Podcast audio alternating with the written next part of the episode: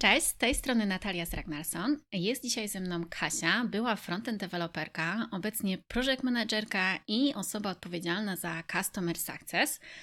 Kasiu, miło mi Cię powitać. Witam również. To Kasiu, jestem bardzo ciekawa, e, jak się rozpoczęła Twoja kariera jako deweloperki, no bo w końcu studiowałaś kierunek, pierwszy przynajmniej kierunek z tym niezwiązany. To prawda.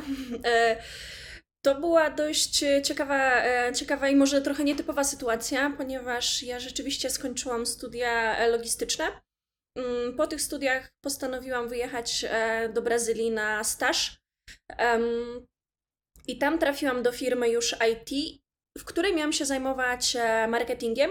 Mhm. Mm, natomiast może ten marketing nie był mi pisany za bardzo e, i nie do końca było to coś, co mi, się, co mi się podobało i co chciałam w sumie robić. E, natomiast trafiłam do, na tyle fajnej firmy, że pozwolili mi się kształcić Mm, w kierunku frontend developmentu, o czym w ogóle nie miałam zielonego pojęcia. Ja jakby e, zaczynając swoją karierę nawet nie wiedziałam, co to HTML jest. E, tak totalnie, totalnie. Okay. Ja, ja, ja, widziałam, ja widziałam czarny monitor i jakieś dziwne literki i numerki i widziałam, że tam się e, kolega jakby bawi grafiką i to mhm. mi się strasznie spodobało. Um, no i po prostu zapytam się, czy mogę się tego uczyć. Oni, oni powiedzieli, że super, fajnie. Dostałam mentora na powiedzmy okres dwóch miesięcy, mhm. e, czyli od zera, że tak powiem, mm, w ciągu dwóch miesięcy zrobiłam się um, frontend, powiedzmy, deweloperem, jakimś tam super, super juniorkiem. E, no i po dwóch, po dwóch miesiącach takiej wspólnej pracy z moim mentorem zostali, zostałam rzucona na głęboką wodę, bo on mi po okay. prostu powiedział, że powiedział mi, że no słuchaj Kasia, ja muszę wracać do swojej pracy i teraz to e, zajmuj się e, tym sama. E, dał mi mhm. jakieś taski, ja totalnie nie wiedziałam co mam robić, no bo po dwóch miesiącach to dopiero zaczynałam ogarniać jakby to całe flow. No tak. E, i, I moim zadaniem, pierwszym zadaniem było redesign całej naszej strony internetowej. O, takie tam I, malutkie zadanie, nie? I, dokładnie, doku, dokładnie. I zakodowanie jeszcze tego wszystkiego. Aha. Nie dość, że redesign od strony jakby graficznej, to jeszcze cała, cała ta um, koderska sprawa. No i nie powiem, e, produkcję wy, wy, wy, wywaliłam kilka, kilka razy przynajmniej. E, no, zdarzało się, że w ciągu tygodnia przychodził właśnie ten mój mentor do mnie kilka razy, pytając się, -hmm. Kasia, co się stało? Produkcja nam nie działa. E, no ale w ten sposób jak już się nauczyłam. Niech kamieniem rzuci deweloper, który nigdy nie wywrócił niczego na produkcji. E, myślę, że to jest dosyć typowe na samym początku. Mamy piękny przykład banku, który od czasu do czasu daje nam jakieś, prawda, powody do powiedzmy do zastanowienia się, co tam się naprawdę dzieje, więc myślę, że każdy tak. junior przez to przeszedł. Um, rozumiem, że potem, po tych pierwszych, e, po tym pierwszym spotkaniu z developmentem stwierdziłaś, że to Ci się podoba i dalej w to chcesz iść. E, tak, tak. Ja jakby mm, tak mnie to zafascynowało, powiedzmy, że, e, że stwierdziłam, że to jest e, może nie do końca logistyka i może nie do końca marketing, mhm. tylko, tylko właśnie to jest coś, co, co, czym bym się chciała zajmować. No i później już moja kariera jakby związana była czysto mm, z tą, e, z tą jakby frontendową e, sferą. Okej. Okay. Um, gdzie później pracowałaś po Brazylii? E, po Brazylii pracowałam w NetGuru i tu właściwie z Brazylii. No z Brazylii. Czyli zdalnie. Tak, zdalnie, od razu zdalnie i to była moja właściwie pierwsza taka praca, um, praca zdalna i pierwsza praca, no właściwie na tym stanowisku, że tak powiem, od początku do końca. Mhm. Już tak oficjalnie. E, tak, tak, można powiedzieć, że tak, tak, dokładnie. Mm, I, i, I pracowałam później już e, właściwie historia rozpoczęła się z Ragnarsonem. E, no właśnie, tak jak to, dołączyłaś tak do firmy? Może nam o tym trochę opowiesz. E, dołączyłam do firmy przez naszego już teraz powiedzmy byłego pracownika, który mnie, który mnie powiedzmy ściągnął, e, e, ściągnął do Ragnarsona. Chodzi o Piotra? Mm, tak, tak, tak. To, Z tak. Piotrem też mamy wywiad, polecam, jakby ktoś miał posłuchać trochę o, o ja bitcoinach. Też. Ja, ja też, zdecydowanie. E, Czy tak, polecił Cię do firmy? Piotr mnie polecił. E, mhm. Ja tutaj znałam już wcześniej Marka. Też razem pracowaliśmy. Marek przyszedł jakoś tak w, w tym samym mniej więcej czasie. Mm, więc, więc trafiłam do, do, do firmy jako też juniorek. I, no i od tamtego momentu, mm, czyli 2016 do dziś, z krótką przerwą gdzieś tam pracuję. Pracujesz. Do tej krótkiej przerwy jeszcze wrócimy, bo myślę, że to też jest bardzo, bardzo ciekawa historia. Może powiesz nam troszeczkę o tym, e, jak wyglądała Twoja praca, Twoje obowiązki właśnie jako frontend developer w, w Ragnarson na początku. To też jest ciekawe, bo jakby ja byłam praktycznie można powiedzieć jedyną osobą, która zajmowała się e, frontendem w Aha. firmie na kilkunastu backendowców, którzy jeszcze na tamten moment jakby e, był ścisły podział pomiędzy backend i frontend i backendowcy niekoniecznie zajmowali i chcieli się zajmować i lubili i, i znali tą, mhm. tą część frontendową. I e, no i jakby skakałam po projektach, byłam jakby Mm, rozkręcałam projekty, wpadałam na miesiąc, naprawiałam coś, albo um, jak trzeba było jakiegoś tam, uh, powiedzmy, feature'ka zrobić, no to Kasia, chodź, na, na, napraw albo zrób i, i jakby dalej. Um, I tak, tak moja jakby praca wyglądała przez, e, przez kilka ładnych lat. Był jeszcze jeden frontendowiec po, e, mm, w tamtym czasie, natomiast e, e, on jakby był na stałe przypisany do, do konkretnego projektu i tutaj mhm. nie, nie bardzo wychodził poza, mm, poza ten dany projekt, więc jakby po całej reszcie no to już skakałam ja. Rozumiem. A właśnie Ragnarsson na początku był taką firmą głównie nastawioną na, na backend, w sensie głównie mieliśmy backendowych e, deweloperów Ruby on Rails. W tej chwili wygląda to e, zupełnie inaczej, znaczy zupełnie. Tak. Rozwinęliśmy się, mamy zespół frontendowy, bodajże pięcio, sześcioosobowy, jeżeli się nie mylę. Mhm. Myślę, myślę tak. właśnie, że to tak. I mamy jeszcze zespół mobilny, więc jakby nie tylko e, w tej chwili Ruby nasz Ragnarsson stoi, ale początki były rzeczywiście dosyć, myślę, e, ciekawe e, i stanowiły na pewno wyzwanie dla osoby pracującej na frontendzie.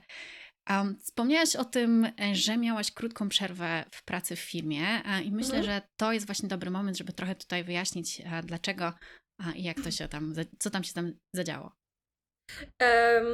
Po kilku miesiącach od momentu trafienia do, do, do firmy, jakby ja na mhm. początku byłam w projekcie też internalowym, mhm. żeby się trochę podszkolić i dopiero później ewentualnie gdzieś tam um, pójść do klienta.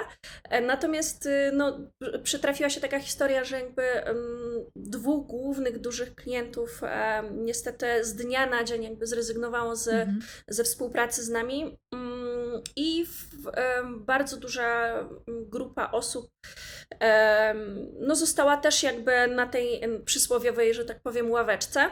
Mhm. I e, to był moment, w którym gdzieś tam zaczęły się, zaczęły się problemy finansowe.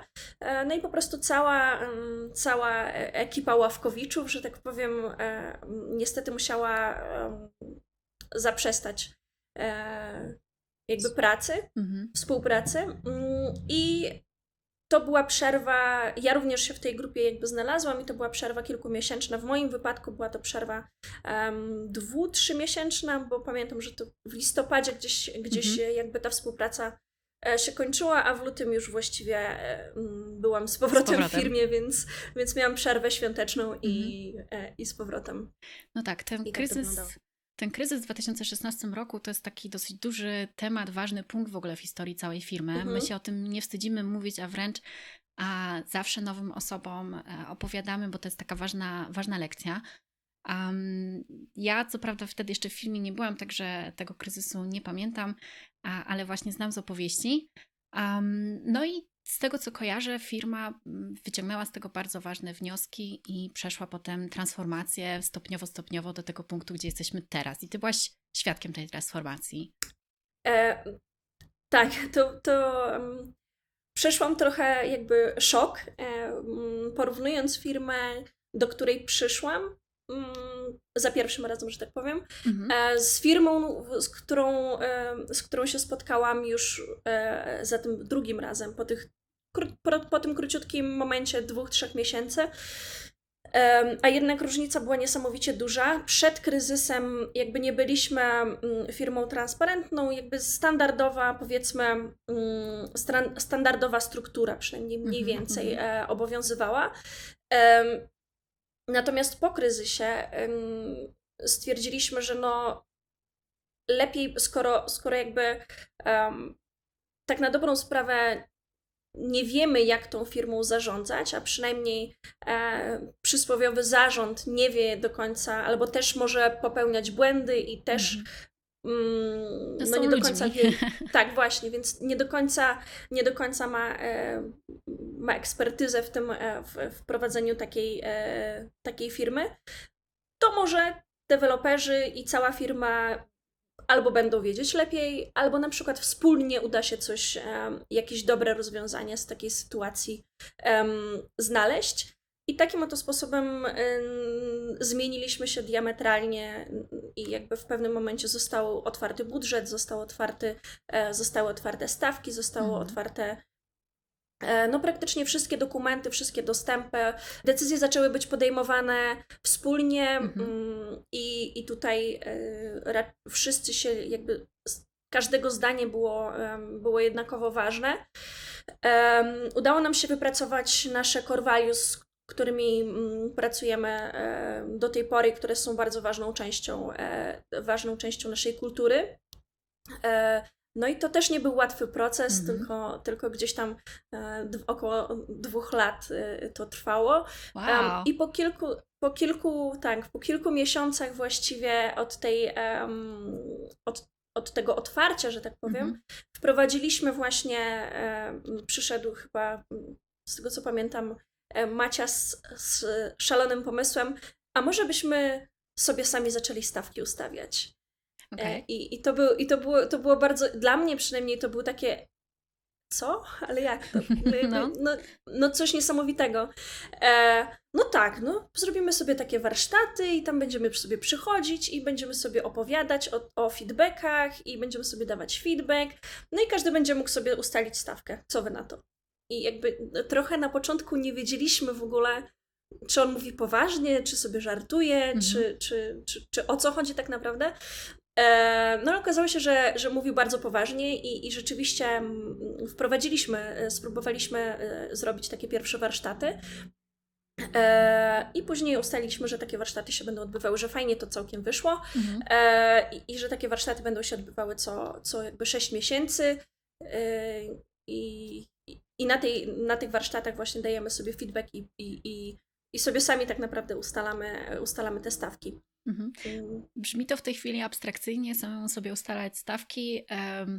Ja, ponieważ już jestem w tak. firmie dwa i pół roku e, i przyszłam już na jakby gotowe, czyli ten proces był cały już wprowadzony, to dla mnie jest to mega naturalne, ale rozumiem, że to też był taki punkt zwrotny i właśnie coś zupełnie rewolucyjnego w tamtym momencie.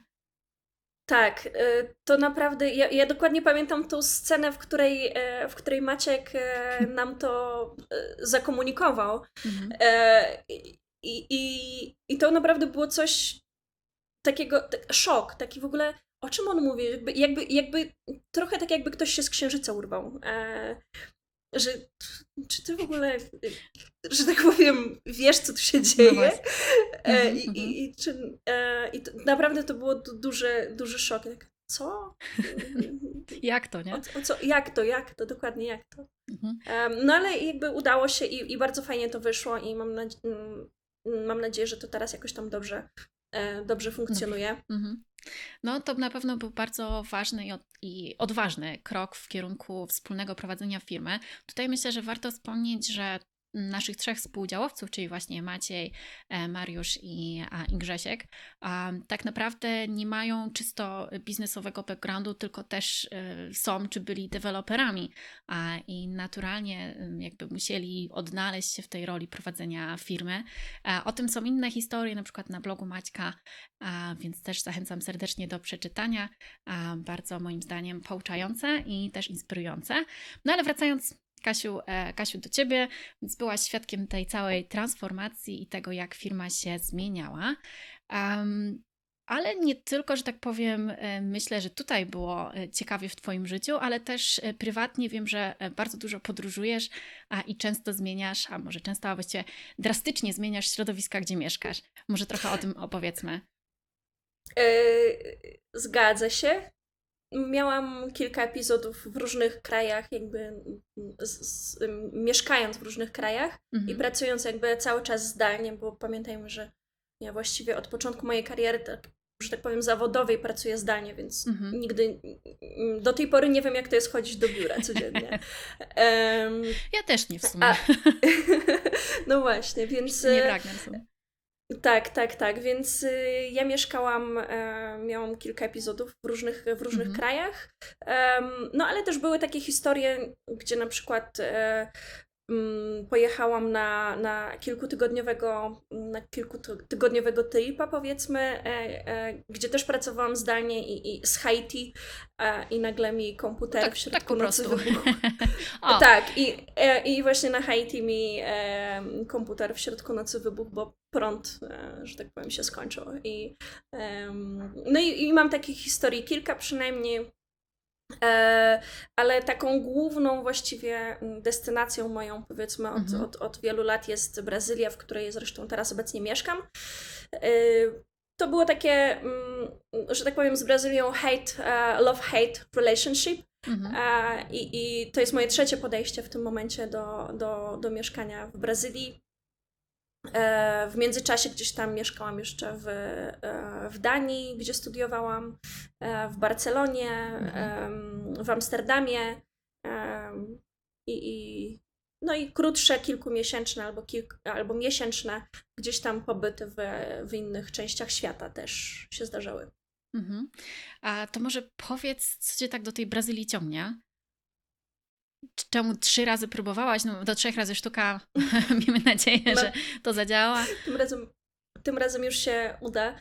Um, za pierwszym razem to był przypadek trochę, mhm. bo ja właściwie um, chciałam do Ameryki Łacińskiej, bo zawsze mnie te tutaj tereny e, kręciły i, i jarały. Jakby to było zawsze moje takie mm, małe marzenie, żeby, żeby gdzieś tutaj się pojawić. Natomiast mhm. um, znałam już język hiszpański w tamtym momencie i chciałam wszędzie, byleby nie do Brazylii, bo w Brazylii obowiąz obowiązującym językiem jest język portugalski, portugalski e, którego totalnie nie znałam i, i zresztą jakby z samego, um, z samego słuchu mi się nie podobał po prostu, bo, bo ten, ten portugalski z Portugalii jest zupełnie inny, a ja znałam tylko ten portugalski z Portugalii. E, I mówię, nie, byleby nie Brazylia, byleby nie Brazylia, wszędzie byleby nie Brazylia. E, I takim oto cudem jakimś trafiłam do Brazylii, w ogóle do super małej miejscowości e, w centrum, że tak powiem, Brazylii, gdzie byłam jedyną tak naprawdę jedynym gringo, że tak powiem, przez, przez długi okres czasu. E, i, i, i, e, I tak to wyglądało. Także, także z Brazylia za pierwszym razem z tego. Mm, e, z tego powodu. I powiem szczerze, że od razu jak przyjechałam do tego miasta, w którym mieszkałam, mhm. to pierwsze co, pierwsza moja myśl, ja stąd wracam. Ja nawet nawet nie, wy, nie wyszłam jakby ze stacji autobusowej, tylko już mówiłam, nie, ja kupuję bilet z powrotem i co ja tu robię w ogóle, gdzie mhm. ja jestem. Um, ale już właściwie pierwszego dnia po południu e, moja miłość do Brazylii i, i, i, do tego miasta właściwie e, się, e, się rozpoczęła i tak. tak. trwa, tak, i tak trwa powiedzmy do dziś. No i tak to, tak to wyglądało. Miałam chwilową przerwę, roczną przerwę na studia w Danii, mhm. bo chciałam się mm, dokształcić może właśnie w tym e, developmencie, więc e, dostałam się na studia w Danii, tam studiowałam e, licen studia licencjackie web development e, i potem powróciłam do Brazylii, bo jednak Dania to nie, nie, nie do końca moje powiedzmy klimaty, więc... E, no pogoda nie taka sama, no na tak, pewno nie. Po, pogoda nie taka, więc powróciłam do Brazylii i, i to był mój drugi epizod. Mhm. Um, i, I później była już przerwa, taka powiedzmy kilkuletnia. E, no i teraz od dwóch lat praktycznie już, już tutaj jestem na stałe. No właśnie, i, I mieszkasz, mam nadzieję, że na stałe. Mieszkasz na pewno nie w środku, pośrodku niczego, tylko w dużym nie. mieście, kojarzy São Paulo. Nie wiem, ile będzie słychać w nagraniu, ale słychać, że to dosyć duże ruchliwe miasto. Tak. Na tak, pewno. 20 milionów praktycznie mieszkańców. W sumie, tak jakby miasto z obrzeżami. Więc prawie połowa Polski. Tak, no niesamowite. E, w Brazylii byłam na dwutygodniowej wymianie, więc jakby właśnie w São Paulo, e, w takiej bogatszej dzielnicy bankowo-finansowej, więc e, no może nie poznałam aż tak bardzo kraju jak ty, ale rozumiem, dlaczego można się tutaj zakochać. No ta pogoda, ci ludzie, kultura jest po prostu świetnie. Um, tak, zgadza się. To iloma językami tak końcowo władasz? Bo rozumiem, że jakoś tam w tej Brazylii w tej chwili już tym portugalskim musisz się posługiwać, a wcześniej mieszkałaś w kilku innych miejscach, to jak to wygląda? E, Y, historia językowa moja jest też długa. Mhm. Y, pierwszym językiem obcym, którego się nauczyłam, to był niemiecki w ogóle, e, czyli trochę inaczej niż większość, bo mhm. większość jednak zaczyna od angielskiego. Od angielskiego. Um, ja się nauczyłam, nauczyłam się niemieckiego i tutaj y, do tej pory pałam wielką miłością do języka niemieckiego. Ale to sarkazm, bardzo czy... Nie, nie, nie, Na naprawdę, serio? naprawdę, ja, naprawdę, ja uwielbiam język niemiecki. Język niemiecki, tak, tak, tak. Połowa internetu tak. się z tobą nie zgodzi. E, Wiem, e, ale to przez to, że ja lubię gramatykę, ja lubię strukturę i jakby e, Porządek? A w, a, tak, porządek. Mhm. Tak, dokładnie. A, a, a w niemieckim gramatyka jest bardzo. Mhm. W ogóle gram, niemiecki jest bardzo usystematyzowanym językiem, więc stąd ta moja miłość. Mhm. E, I potem dopiero przyszedł angielski i rosyjski, jakby w, w liceum gdzieś tam miałam styczność. E, Potem w Hiszpanii, no to hiszpański i włoski. E, I włoskiego się e, nauczyłam przez to, że jakby mieszkałam z Włochami, więc mhm. oni ani po hiszpańsku, ani po angielsku, więc ja mówię, dobra, to się nauczę włoskiego.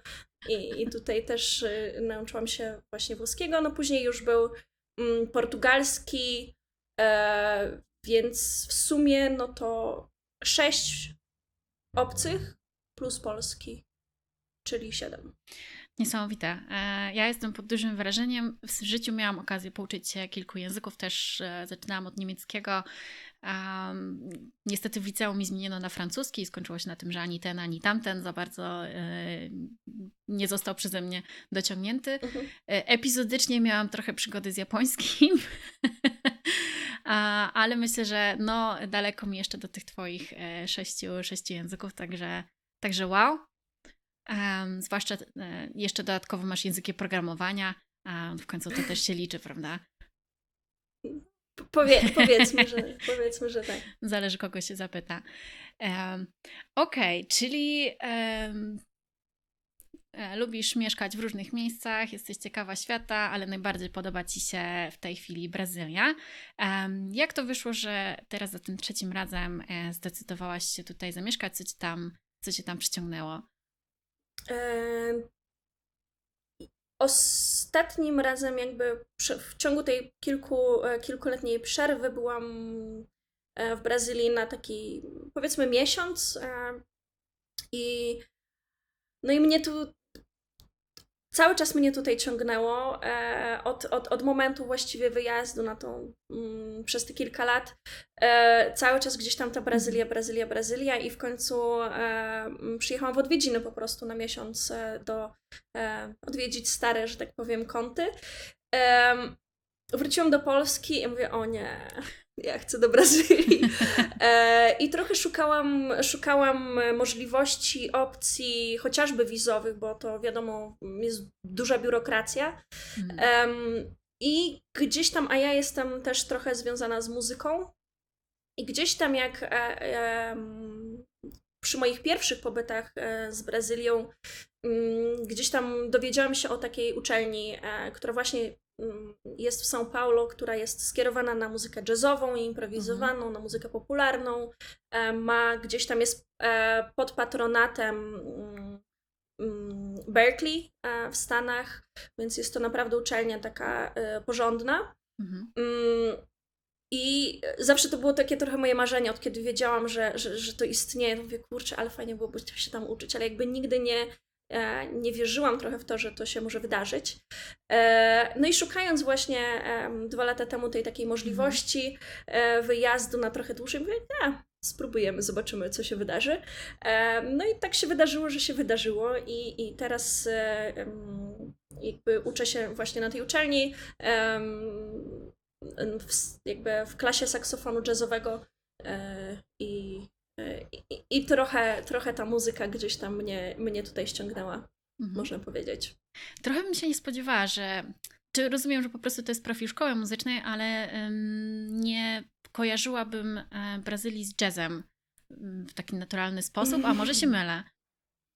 No właśnie, e, Brazylia w ogóle jest bardzo muzycznym krajem i mhm. tutaj muzyka jest właściwie wszędzie i oni się chyba rodzą już naturalnie z rytmem i z poczuciem Aha. rytmu, e, co jest czymś, z czym ja mam odwieczne problemy. Mhm. E, natomiast tak mogłoby się wydawać, że jazz i Brazylia, no nie, Brazylia to samba i no w ogóle, mm. i, i, mhm. takie latynoskie klimaty. Jest w tym dużo prawdy, natomiast y, jest bosanowa, która jest jakby można by powiedzieć, um, trochę jednak powiązana. Jest bardzo dużo muzyki improwizowanej, nawet w, mhm. w sambie, ta, ta, ta, nawet w takich bardzo popularnych um, um, stylach muzycznych jest bardzo dużo tej muzyczności, tej takiej, jest bardzo dużo instrumentów i naprawdę jest wysoki jakby poziom, e, niezależnie tak naprawdę od stylu muzycznego, a jazz jest połączony właśnie trochę z mhm. sambą, jest nawet tutaj oddzielny styl, tak zwany samba jazz. Tak, jest naprawdę, jest naprawdę, naprawdę, e, może nie jest to tak scena rozwinięta jazzowa mhm. jak na przykład w Stanach Zjednoczonych, ale jednak, jednak jest i, i można znaleźć coś dla siebie. No to fascynujące, nie byłam, nie byłam tego świadoma. Sama e, wstyd się trochę przyznać, mam mały background muzyczny, w sensie skończyłam e, czteroletnią e, szkołę muzyczną pierwszego stopnia, mówię wstyd się przyznać, bo nie kontynuuję, a gram na gitarze ale, ale widzę, że tutaj nijak się mam do Twoich jakby e, za, za, zapodobań, upodobań muzycznych. O, tego słowa szukałam. To też nie jest tak do końca, e, że jakby mimo tego, że, że rzeczywiście kierunek jest, e, szkoła jest ukierunkowana mhm. właśnie w stylu jazzowym, to jednak bardzo dużo gramy muzyki brazylijskiej, są specjalne mhm. zajęcia z e, jakby muzyki brazylijskiej i jest to coś dość trudnego, powiem szczerze, że dla, jakby hmm, dla osoby, ciekawe. która jest nie urodziła się w tym kraju i nie wychowała się w tej, w tej kulturze, powiedzmy, no to, to, to nie jest takie, takie, takie super proste. Więc mam dużo do roboty, powiedzmy. Rozumiem. Czyli co, mamy świetną pogodę, fantastycznych ludzi, e, dobrą muzykę. A jakie są w takim razie wyzwania e, w mieszkaniu w Brazylii, pracowaniu dla polskiej firmy z zagranicznymi klientami? E, myślę, że głównym, mm, już łącząc to, to, to, ten temat z pracą, no to jest strefa czasowa, gdzie o tyle, o ile w momencie, kiedy jeszcze byłam deweloperem, mhm. E, to gdzieś tam mogłam sobie te godziny, powiedzmy, wybierać, ustalać e, i jakby to było dość dowolne i, i mhm. nie musiałam być, że tak powiem, od rana, e, to znaczy od jakby polskiego rana, e, że tak powiem, na spotkaniach. W mhm. momencie, kiedy ta, ta moja funkcja trochę się zmieniła, no to tutaj jednak pojawiło się więcej spotkań, jakiś ten system jest bardziej uregulowany, no i jest to dość duże wyzwanie, no bo jednak um, trochę się musiałam dostosować do, do strefy czasowej w, e, polskiej i zdarza się tak kole o trzeciej rano. No Bywa. tak, takie tam. A trzecia Bywa. rano brzmi abstrakcyjnie. Mam nadzieję, że przynajmniej jest jasno o tej mm, porze. Nie. Nie, nie, nie. Nie, czyli to tak, to tak nie działa niestety. A no, ja Cię bardzo podziwiam, bo ja sama nie należę do osób będących rannymi ptaszkami, więc e, trzecia rano na jakiekolwiek kole myślenie dla mnie była po prostu niewykonalna, a Ty mimo wszystko e, już od dłuższego czasu e, to robisz. Tak, e, powiem, że to nie było, nie było proste, mhm. bo jednak ja siebie mm, też uważałam za osobę zdecydowanie nocną mm, niż poranną, mhm. e, że gdzieś tam przed, przed tą dziesiątą to w ogóle nie, nie, nie mówcie do mnie przed no dziesiątą, bo, e, natomiast y, udało mi się to przestawić, e, jednak ten zegar biologiczny jakoś tam się przestawił mhm. bardzo, w sumie bardzo łatwo, wbrew pozorom. E, I o tyle, ile ta trzecia rano to jest rzeczywiście taki e, już może godzina trochę ekstremalna, ale mhm. rozpoczynanie pracy o godzinie 4.35, nawet czwartej jest dla mnie bardzo, e, bardzo dobre. Mój mózg wtedy po prostu naj, najbardziej produktywnie pracuje i, hmm. i, jestem w stanie. Dziwne, ale, ale, no ale tak rzeczywiście jest. E, I jestem w stanie po prostu najwięcej rzeczy dowieść e, w tych godzinach porannych. No i plus jest taki, że po prostu o godzinie tam 12, 13 już jestem wolna i e, tak naprawdę gdybym nie miała uczelni, gdybym nie miała jakichś tam swoich innych obowiązków, to um, no to plaża, no tak, I... cały pozostały czas byłby dla ciebie. Tak. E, tak. Jest wiele porad od e, ludzi sukcesu, bogatych i tak dalej, którzy mówią, że należy wcześniej rano wstawać i wszystko załatwić. A już wiele razy czytałam te porady, ale jednak miękkie łóżeczko rano, ciepła mhm. kołderka. Mm, ciężko. ciężko, ciężko, więc tak jak mówię, podziwiam nie, nie jest to rzeczywiście, nie jest to nic e, prostego i nie jest to też rzecz, z którą z dnia na dzień, przynajmniej ja, hmm. jakby to nie było coś takiego, że z dnia na dzień się nagle, dobra, trzecia trzydzieści, jedziemy. jedziemy. Nie, nie, nie. E, stopniowo jakby najpierw gdzieś tam ta siódma, potem może trochę wcześniej, potem się mhm. przyzwyczaiłam już do szóstej, piątej, mm, no a potem gdzieś tam jeszcze udało mi się zejść wcześniej. Czyli stopniowo przesuwałaś granice. Tak. Mhm. Tak. No, U mnie to... tak to działało.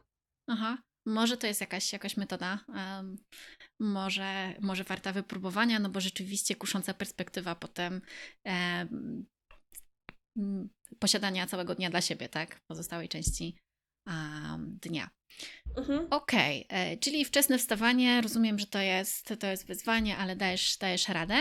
A no właśnie, wspomniałaś i chcia, chciałabym się teraz na tym skupić, wspomniałaś o tej swojej nowej roli, czyli e, przejściu jakby od bycia frontend deweloperką do bardziej takich obowiązków, trochę project managera, trochę scrum mastera, no a teraz osoby, która e, jest odpowiedzialna za customer success.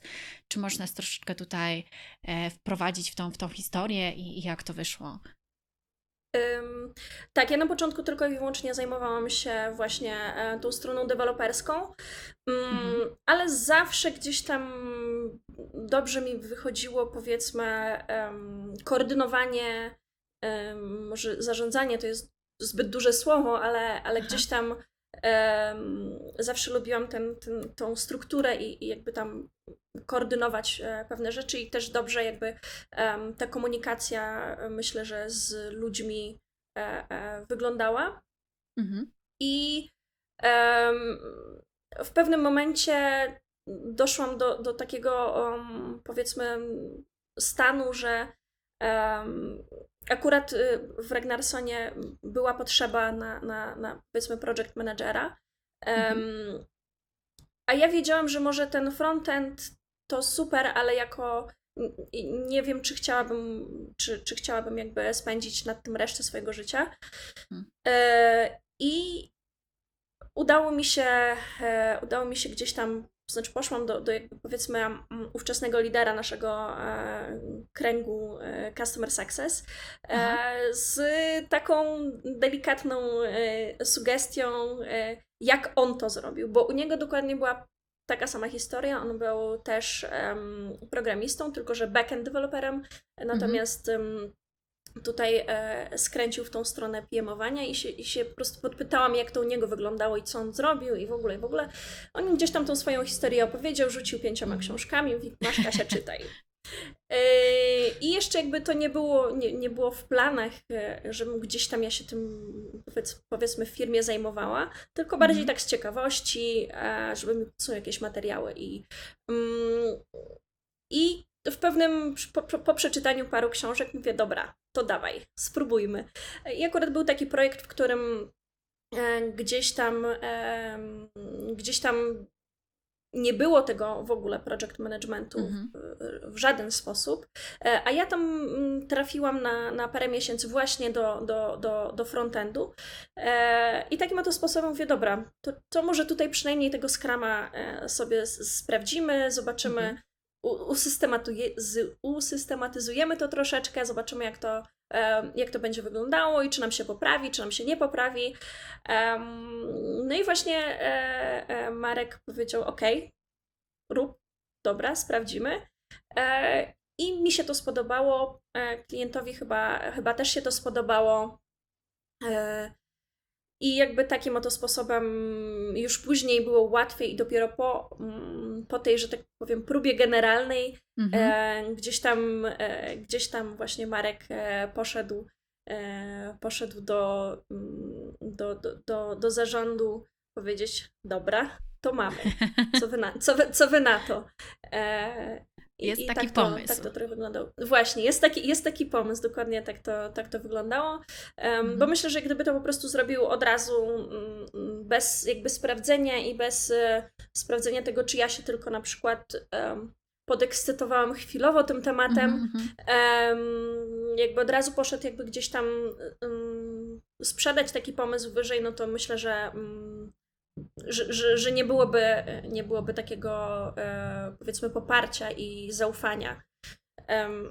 Natomiast to, co jest właśnie w, w naszej firmie świetne i co ja sobie cenię i zawsze podkreślam, to jest właśnie to, że można próbować wszystkiego i można się przebranżowić po, po prostu. Można być deweloperem, nagle stwierdzić, że kurczę, inwestycje są super i ja mhm. chcę się udzielać teraz w inwestycjach um, i nie będzie jakby sprzeciwu, a, a raczej wsparcie e, od, od strony firmy.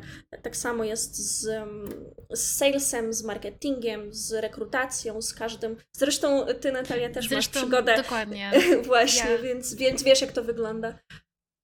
Tak, ja się kompletnie e. z tym zgadzam, bo też jestem przykładem, gdzie przyszłam na staż do, do działu rekrutacji HR, a potem zaczęliśmy budować zespół sprzedaży i przy okazji pojawiły się tematy inwestycyjne i tak miałam możliwość wypróbować swoich sił we wszystkich tutaj wymienionych kręgach, więc jakby po pierwsze jest możliwość się sprawdzić, po drugie jest możliwość potem podjęcia decyzji, gdzie się a, najbardziej człowiek czuje, gdzie chciałby się dalej rozwijać, więc to jest, to jest naprawdę super i nie trzeba tutaj e, jakichś oficjalnych y, nie wiem, certyfikatów robić, czy, czy, czy zmian stanowisk e, takich sztywnych, tylko po prostu można najpierw spróbować się rozwinąć, czegoś nauczyć, a, a potem po prostu go with the mhm. flow i, a, I tak naturalnie tak. przechodzić z jednej roli do drugiej. Tak, Więc dokładnie to, tak jest. Też to, też to bardzo doceniam. A jak tak sobie porównujesz praca frontendowca, a teraz PM i slash customer success, yy, podoba się bardziej? Mniej się podoba? E, jest na pewno dużo więcej wyzwań. Mhm. Wbrew pozorom jest to praca dużo bardziej stresująca, z dużo większą odpowiedzialnością. Mhm. Um, no, także powie, powiem szczerze, że trochę się tego nie spodziewałam, że, że, że, że tak to taki będzie przeskok. E, ja myślałam, że praca deweloperska jest mm, gdzieś tam stresująca. Teraz jak mam to porównanie, no to powiedzmy ta praca, praca deweloperska to była trochę, mm, no nie powiem, że sielanka, ale, ale taka, taki odpoczynek nawet, e, mhm. bo tutaj jednak jest dużo większa, dużo więcej kontaktów z ludźmi, dużo więcej, dużo większa odpowiedzialność chociażby za projekty, e, za deweloperów. E, więc jest, no, jest tego, ale ja mi się powiem szczerze, mi się to bardziej podoba niż, e, niż, niż... Chociaż czasami tęsknię. Czasami bym sobie wróciła do, do, do przysłowiowego poklepania kodu i odcięcia się, mhm. od, odcięcia się od, od, od spotkań. Mhm. No rozumiem, ale y, każda, każda y, pozycja ma swoje plusy i minusy. Zachęcamy też do aplikowania na stanowisko. Y, mamy tutaj otwarte miejsce w dziale Customer Success. Serdecznie zapraszamy. No dobra, Kasiu, e, ja Ci w takim razie e, serdecznie dziękuję za tę naszą rozmowę. Myślę, że e, dowiedziałam się paru ciekawych rzeczy, zwłaszcza na temat jazzu w Brazylii. I Twoja kariera też była bardzo, bardzo ciekawa, zawsze dynamiczna. Więc dziękuję Ci, Kasiu, że się z nami podzielałaś tą historią. Ja również dziękuję i do zobaczenia, mam nadzieję, gdzieś tam. Tak jest.